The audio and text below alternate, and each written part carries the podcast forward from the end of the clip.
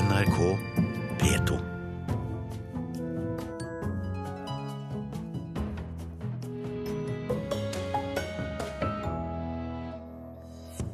Hun videreformidler taushetsbelagte opplysninger, sier Behring Breiviks avlastningsforeldre. Krever endringer i Åsne Seierstads bok. Stor bursdagsfeiring og avslutning på Munch-jubileet i kveld. Og ny mobilapp skal avsløre ulovlig nazimusikk.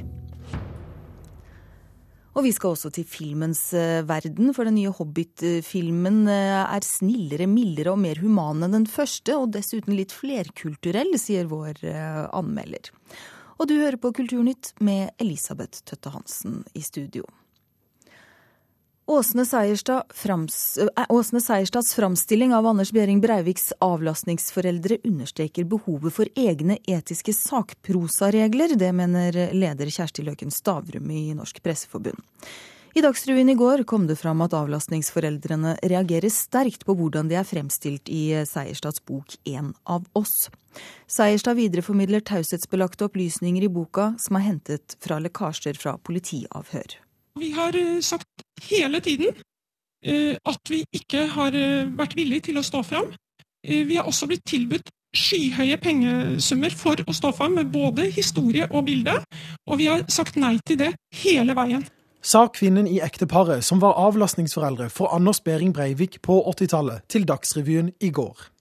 Ekteparet, som ønsker å være anonyme, understreker at de har sagt nei til alle pressehenvendelser om å stå fram, på tross av tilbud om klekkelige honorarer. Ekteparet mener at forfatteren likevel har skrevet boka slik at det virker som de har gitt henne opplysninger, noe de blankt avviser. Seierstads opplysninger i boka er hentet fra lekkasjer fra politiavhør av ekteparet.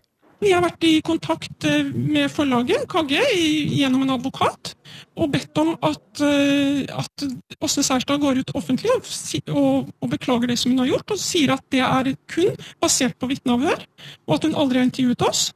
Eh, og at, også, at vi også enten blir slettet, eller at hun skriver det om, det som står om oss. Åsne Seierstad ønsker ikke selv å kommentere saken overfor NRK, men overlater det til forlaget Kagge Forlag. Vi hører nå i Dagsrevyen at eh, de har bedt oss om å fjerne det som står i boken. Men eh, den henvendelsen har ikke nådd eh, forlaget. Sier forlagssjef Erling Kagge. De har bedt om Viken-foreldrene de har bedt om at det skal komme en presisering inn i boken om at de ikke har vært kilder til Åse Seierstad. Det har vi imøtekommet. Ekteparet ønsker en presisering på samme side i boka som omtaler dem, mens forlaget ønsker å plassere presiseringen bak i boka. Jeg mener veldig klart at det vil være en styrke for, for forlagene å etablere etiske retningslinjer for produksjon av sakprosabøker. Sier generalsekretær i Norsk Presseforbund Kjersti Løken Stavrum. Hun mener forlagene trenger klarere etiske retningslinjer for sakprosabøker. Det gjør jeg fordi at det, det gjør rett og slett forfatteren bedre til å håndtere kompliserte problemstillinger som gjelder f.eks. kilder, da, som er eh, tilfellet i denne saken her. 22. juli-bøkene til Marit Christensen og Åsne Seierstad har skapt mye debatt i høst. Christensen fikk kraftig kritikk etter at Anders Behring Breiviks mor først bidro til boka, men deretter ombestemte seg og ønsket at boka ikke skulle gis ut. Boka ble også kritisert for å være altfor nærgående og intim. Mens kritikk rettet mot Seierstad handler om at det kan være uklart hvor hun har fått informasjonen sin fra. Etter at Christensens bok ble sluppet 31.10, måtte forlaget hennes Aschehoug rette opp et avsnitt i boka etter en klage fra Seierstads forlag, Kagge. Deretter ble Christensens bok klaget inn til Pressens faglige utvalg av advokaten til Anders Behring Breiviks mor. PFU avslo klagen, men i slutten av november bestemte Forleggerforeningen seg for å utrede om de også trenger etiske retningslinjer på linje med de pressen har. Reporter her var Christian Ingebretsen. Og Behring Breiviks eh, avlastningsforeldre ønsker å være anonyme, og stemmene deres er eh, derfor forvrengt. Agnes Moxnes, kulturkommentator i NRK. Det kom fram i Dagsrevyen i går at Seierstad har fått tak i informasjon som er avgitt i politiavhør. Hvordan har det skjedd? Det er rett og slett slik at det lakk som en sil fra politiet avhørene før eh, rettssaken. Og det er mange redaksjoner, og viser det seg også forlag og forfattere som sitter med disse avhørene. De er brukt i, i flere bøker til nå. De kommer også til å bli brukt i flere bøker i fremtiden. Men i denne boka da kommer det fram at informasjonen om eh, avlastningsforeldrene er hentet fra politiavhør? Nei, jeg syns ikke det. fordi Åsne Seierstad har jo en slags sånn allvitende fortellerstemme. Og hun kan nok helt sikkert belegge det meste av det hun skriver i eh, sin bok. Men det er veldig vanskelig å vite om hun selv har intervjuet dem hun, eh, eller de berørte, eller om hun tar informasjon fra sekundære kilder. Og for uh, avlastningsforeldrene som vi hørte her, så er selvfølgelig det veldig kritisk. Fordi at uh, når man tar på seg en jobb som avlastningsforeldre, så må man avlegge taushetsløftet først. Og, og uh, i måten dette fremstilles på i Åsne Seierstads bok, så kan det jo virke som de har brutt dette løftet sitt. Og derfor føler de seg krenket, sånn som vi hørte i Dagsrevyen i går kveld. Åsne Seierstad har jo opplevd å få kritikk for bøker tidligere, hvor, hvor, informasjon kanskje kan ha blitt sett på som at det har kommet litt feil ut. Bokhandelen i Kabul. Ja, Hvordan... den er jo et eksempel på det. fordi da bokhandleren leste den eh, boka, så gikk jo han eh, i, i svart. Han reiste sak mot Åsne Seierstad. Bl.a. fordi at han tilla familien hans eh, og ham tanker ikke som de kanskje ikke hadde tenkt, eller som de kanskje ikke hadde tenkt, men som, som man ikke skulle tenke i det afghanske eh, samfunnet. Og Åsne eh, Seierstad fikk jo eh, altså ikke dom fordi at hun hadde diktet opp ting eller funnet på ting, men fordi det virket krenkende eh, for dem som ble omtalt i deres eget nærområde.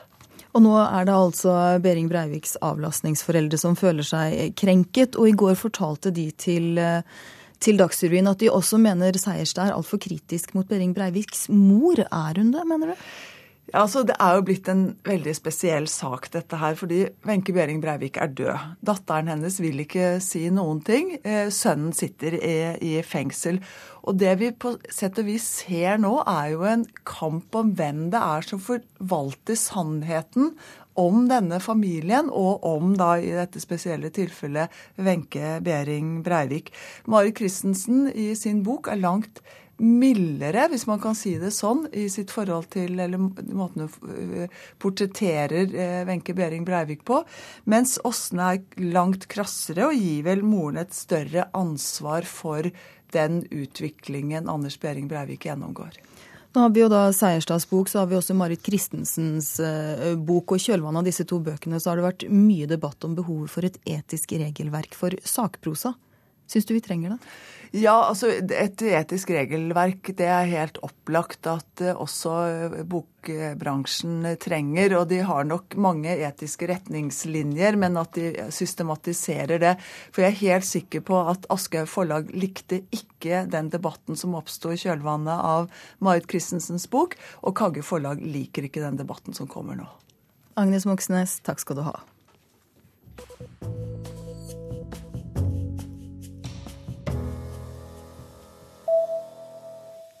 Munch-jubileet avsluttes i kveld med festforestilling arrangert av fødekommunen Løten i Hedmark og Munch 150. På dagen 150 år etter Edvard Munchs fødsel. Og i går kom de første gjestene. Jeg gleder meg litt til å spille konserten. Det er en fin ramme rundt det. De har øvd på konsertprogrammet i et par uker, og i går ankom Mathias Sunde Valseth og de andre ungdomssymfonikerne kveldens festlokale. Vi gleder oss jo veldig. Et Munch-år som er markert både lokalt, nasjonalt og internasjonalt, avsluttes med egen festforestilling i Terningen Arena i Elverum. Hvor vi har valgt forskjellige verk som er fantastisk vakre, som vi liker veldig godt og som er vår gave til Edvard Munch på hans bursdag. Sier kveldens dirigent Rolf Gupta. Det her er fra Ryli barnehage i Løten. Før Ungdomssymfonikerne gjorde sin entré, så var vertskapet travle med å få kunst på veggene. Munch-inspirert, da. Og alle de skal opp på veggen i dag. Hvor mange bilder er det her? Det er flere hundre. Jeg har ikke telt. Sier prosjektleder for Munch 150 i Løten, Kjersti Sandvik. For unga i fødekommunen til Munch har lært om han i hele år. I Løten har vi hatt barn og unge som satsingsområde hele tida. Og så Edvard Munch hadde et barndomsforhold til Løten. Altså gode barndomsminner. Eh, og det har vi prøvd å bygge opp under. Altså Hvis vi henger den solen på en side her, og så den her på Solen i serviettkunst tar plass på veggen sammen med et utall barnetolkninger av skrik. Skal vi prøve å henge det opp? Dette blir rammen rundt når gjestene spiser bløtkake og drikker kaffe i kveld. 1, 2, 3, 4, 5, 6, 7, 8, 9, 10 annenfiolin. Scenen gjøres klar, og pauker, basser og de andre store instrumenta rulles inn til forventningsfulle ungdomssymfonikere. Det Munch har gjort, det er jo helt, helt utrolig. Det er kunst som virkelig treffer meg, da. Det er noe av det Norge kan være mest stolt av, tenker jeg. Han er jo nasjonalskatt, selvfølgelig. Han er jo det. og så er det med sangene til, til Strauss. Ja, Richard Strauss, Beethoven og Stravinskij står på programmet, mens Carl Ove Knausgård er kveldens festtaler. Veldig artig. Og det er en bursdag verdig? Ja, absolutt. Jeg håper min 150-årsdag blir, blir, like flott. da begynner vi å spille i uh, besetningsrekkefølge. 150-årspresongen til Munch åpnes altså i sin helhet i kveld. Vi gleder oss jo veldig, og vi håper at uh, ikke bare Edvard Munch, men også publikum kommer til å bli glad for denne måten å feire hans bursdag. Alle som har lyst, kan få komme hit og oppleve finalen. Og det er vi veldig glad for at jeg har fått til.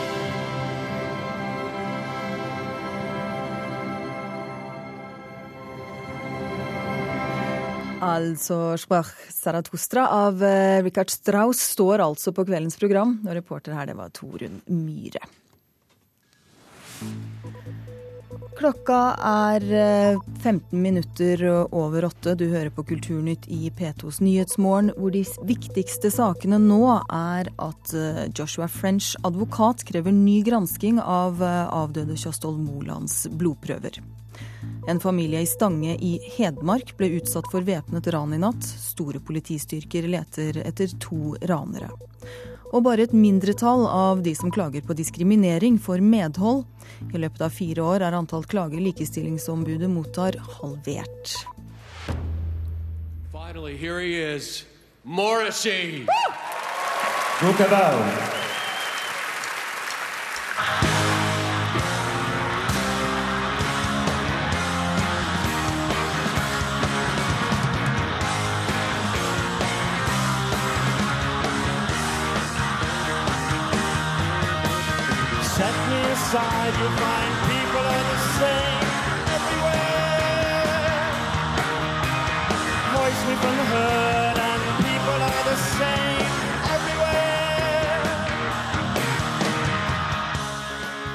Ja, britiske Morrissey var en av artistene under gårsdagens Nobelkonsert.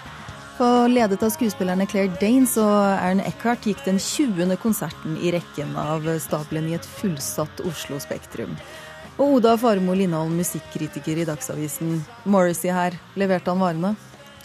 I hvert fall rent musikalsk. musikalsk gjorde han det. Sett bort fra at de to første låtene var uh, to nye låter som kanskje ikke så veldig mange har, uh, har det sterke forholdet til som de gjerne har med Morrissey sin musikk. Uh, men det var absolutt ingenting galt med hans opptreden, men den var jo forholdsvis tam, kanskje tatt i betraktning all dramatikken som har vært på forhånd. Ja, for det er mange som har frykta at han skulle komme med noen uh, uttalelser, men uh, hva skjedde der? Det skjedde strengt tatt ingenting. Det var uh, posebuksene hans som ble kveldens største kontrovers. Bandet hans har en tendens til å bli kledd opp i matchende T-skjorter som har skapt kontrovers før. De har bl.a. hatt en sånn i hate uh, Kate and William-T-skjorte en gang, fordi han er jo antirojalist. Um, de var i går kledd med Hustler-T-skjorter. Jeg vet ikke om det var et skjult budskap der, men Altså litt mer i en, uh, hva skal vi si, pornoaktig retning. Ja, ja, absolutt. Det kunne jo vært et slags antipornobudskap der. Men uh, utover det, det, sa han jo nesten ingenting. Han åpnet med å si 'god kveld' på norsk, og det var vel det. Var vel det. Så han holdt en lav profil, men musikken den gikk greit, altså. Hva med, hva med konserten i sin helhet, da? Hva syns, du, hva syns du om den? Jeg syns at Nobelkonserten gikk i samme gamle felle, holdt jeg på å si. Man har prøvd å booke for et veldig bredt publikum og endte opp med å gå for store navn istedenfor helhet, sånn at du ender opp med en ganske sånn dårlig dramaturgi. da. Det går veldig mye opp og ned og i rykk og napp, fordi du har så mange artister som egentlig ikke passer sammen, men som har det til felles at de er verdensberømte. da. Og det funker ikke alltid så veldig godt. Der, blant, disse, blant, disse, bandene og artistene som var der i går, som, så hadde vi også norske Envy, som har hatt en bratt karrierestige. Hvordan klarte de seg da i disse rykkene og nappene? Det var jo kveldens store positive overraskelse, at de uh, klarte seg jo fantastisk. Altså, de har jo hatt mye press på seg i forhånd i og med at de nå skal lansere internasjonal karriere, og de har fått uh, kontrakt med amerikanske Warner Music. Uh, og dette er vel kanskje deres største internasjonale opptreden. De hadde masse press på seg, men allikevel var det jo åpenbart kveldens største publikumssuksess. Det var de. Ja, for hvilket publikum var det myntet på? Det er kanskje ikke det man forventer av et Nobelpublikum? Jeg vet ikke helt. Nei, altså Nobelpublikummet er jo notorisk veldig stivt. Det er jo den store spøken hvert år at liksom amerikanske R&B-artister prøver å få liksom stive politikere til å danse. Men um, Envy klarte liksom å skape ordentlig kok i Spektrum, da, som jeg syns liksom, de var de eneste artistene som faktisk klarte. Folk sto og danset og klappet, og, og de gjorde det på en fin måte. da, var mer sånn positivt positivt fokus eh, ja, det passet settingen veldig godt. Sånn eh, sett uh, over det hele igjen, da. Det, det, høres ut som du var ganske så fornøyd med Envy. Men var det noen andre ting? Overraskelser eller skuffelser? Spesielle høydepunkt? Altså, Hvis Envy var kveldens beste opptreden og, og kanskje den største publikumssuksessen, så var allikevel syriske Omar Suleman kveldens kuleste opptreden. Og Nobelkonsertens absolutt beste booking. Eh, for det første så passer det jo veldig godt i forhold til at eh, prisvinnerne er såpass dypt engasjert i Syria som det de er. Men, eh, men også bare fordi han er, han er, et veldig hett navn for tiden. Han, spiller, han, skal spille på Øya til sommeren, samtidig som han er et litt sånn uskrevet blad for de fleste. Det tror jeg var en veldig morsom opplevelse for mange å se. Og det var altså gårsdagens Nobelkonsert. Jeg håper jeg, Kort oppsummert av deg. Takk skal du ha, musikkritiker i Dagsavisen Oda Farmo Lindholm.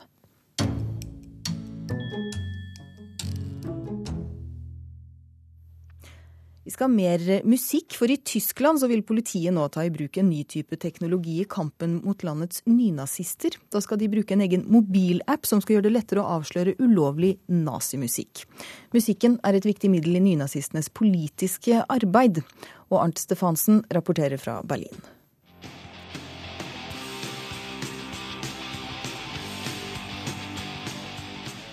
Forbudt, men ikke død heter denne rockelåten fra nynazistgruppen Kraftslag. Mer enn 10 000 slike sanger står på tyske myndigheters liste over musikk det er ulovlig å fremføre. Men forbudet mot høyreekstrem musikk er vanskelig å håndheve. Den spres i lukkede rom på internett og fremføres under private arrangementer. I tillegg er det vanskelig for politiet å holde oversikt over hva som er forbudt. Nå har dataeksperter hos delstatspolitiet i Saksen i det østlige Tyskland utviklet en egen programvare som skal lette dette arbeidet. Wir wollen nicht, dass ein Sachbearbeiter vor einem achtstündigen Internett-Radiostream-Mitschnitt sitzt, sondern wir wollen, dass der Vi vil unngå at en medarbeider må sitte i åtte timer ved en internettradio for å finne ut hvilke nazisanger som er ulovlig, sier René Klåse i politiets dataavdeling. Det programmet vi har laget, kan startes når vi går hjem for kvelden, og neste morgen er lista med de forbudte sangene klar. Vi har nå lagt inn 6000 titler på vår svarteliste, og det kommer stadig nye til, sier dataeksperten.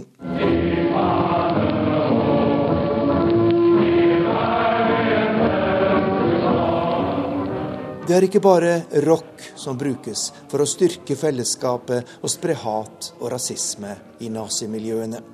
Også de gamle sangene fra Det tredje riket, som Horst Wessel-sangen, er populære i de brune miljøene og står på tyske myndigheters forbudsliste. Dagens nynazister har lært av sine forbilder hvordan musikk skal brukes i propagandaen, sier musikkpedagogen Dimot Köhler fra München. Man hat veldig viel über den Volksempfänger ausgestrahlt bei På den såkalte folkemottakeren, nazistenes radioapparat, ble det alltid spilt mye musikk. Og ved alle parader og festlige sammenkomster var musikken sentral.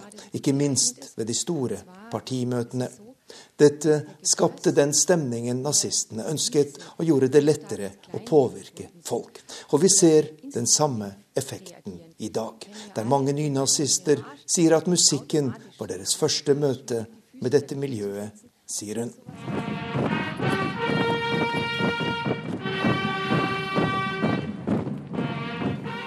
De tyske nazimiljøene har styrket seg de siste årene, mener ekspertene. Og myndighetene ønsker nå å gå hardere til verks mot dem. Et av midlene er å ramme fremveksten av nazimusikk. Og på et møte mellom innenriksministrene i alle de tyske delstatene i forrige uke ble det enighet om å bruke Saksen-politiets dataprogram til å utvikle en mobilapp som kan brukes til å avsløre ulovlige nazisanger over hele landet.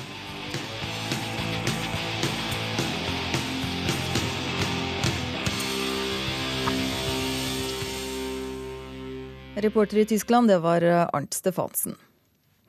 Filmen 'Hobbiten Smaugs, Smaugs ødemark' er tidvis som en pretensiøs versjon av Brødrene Dal, mener vår anmelder Einar Gullvåg Staalesen. Han sier han ser hva som skjer, men at han ikke skjønner hva de bråker for.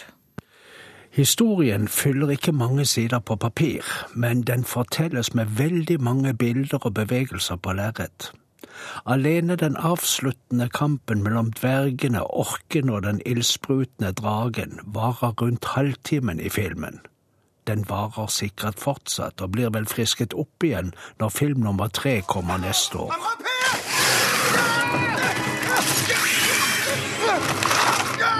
Det er greit å lese bruksanvisning først, eller et resymé, for historien i filmen er så tværet at det er vanskelig å holde tråden.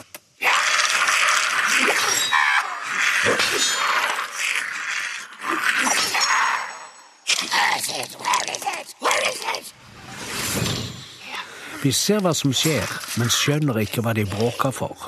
Det har mindre med Tolkiens historie å gjøre enn med filmatiseringen. Det er mest en følge av den teknologiske ideologien. Filmen skal underholde med avansert teknikk og store effekter, og i mindre grad med hendelser, meninger, forklaringer og begrunnelser.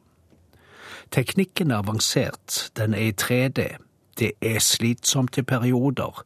3D-teknikken er fortsatt ikke ideell til bilder i bevegelse eller motiv i bevegelse. Her er det klippet slik at uskarpheter og dårlige konturer først blir fartsskapende i et tidels sekund, og så kamuflert av et bildeskift før vi sanser det vi ser. Trefninger og situasjoner pensles ut i mange detaljer og stor bredde. Det er visst det som er poenget for mennesker som sverger til disse eventyrfilmene. Action i alle hånde varianter og vinkler.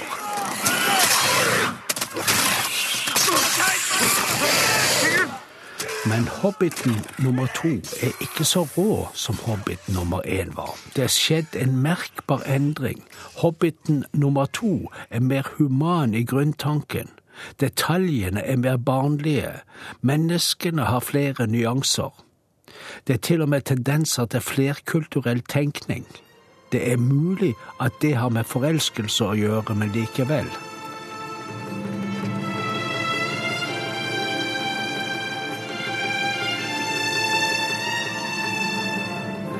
Historien kan se ut som en meget pretensiøs versjon av Brødrene Dal og Spektralsteinene.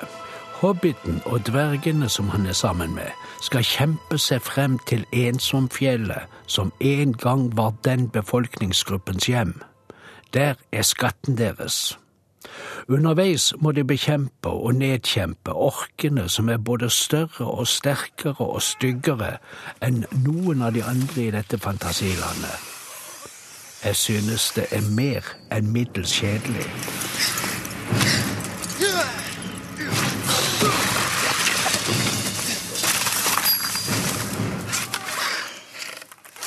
Ja, og Filmanmelder Einar Gullvåg Staalesen han eh, presenterer og kommenterer flere nye filmer i Mørkets opplevelser her i P2 klokka 19 i kveld.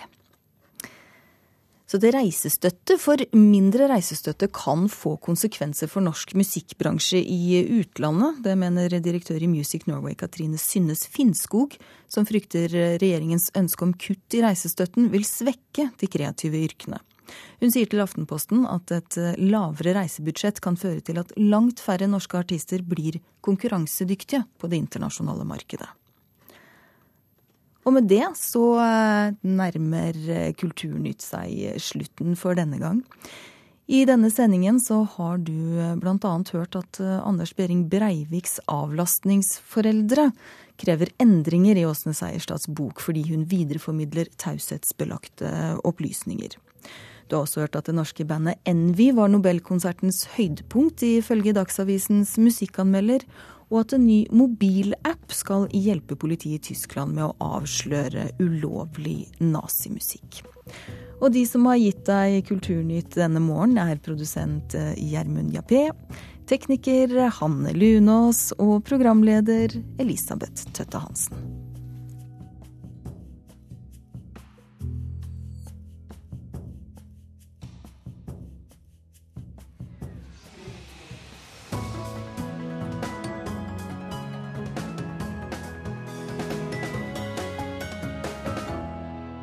Hør flere podkaster på nrk.no podkast.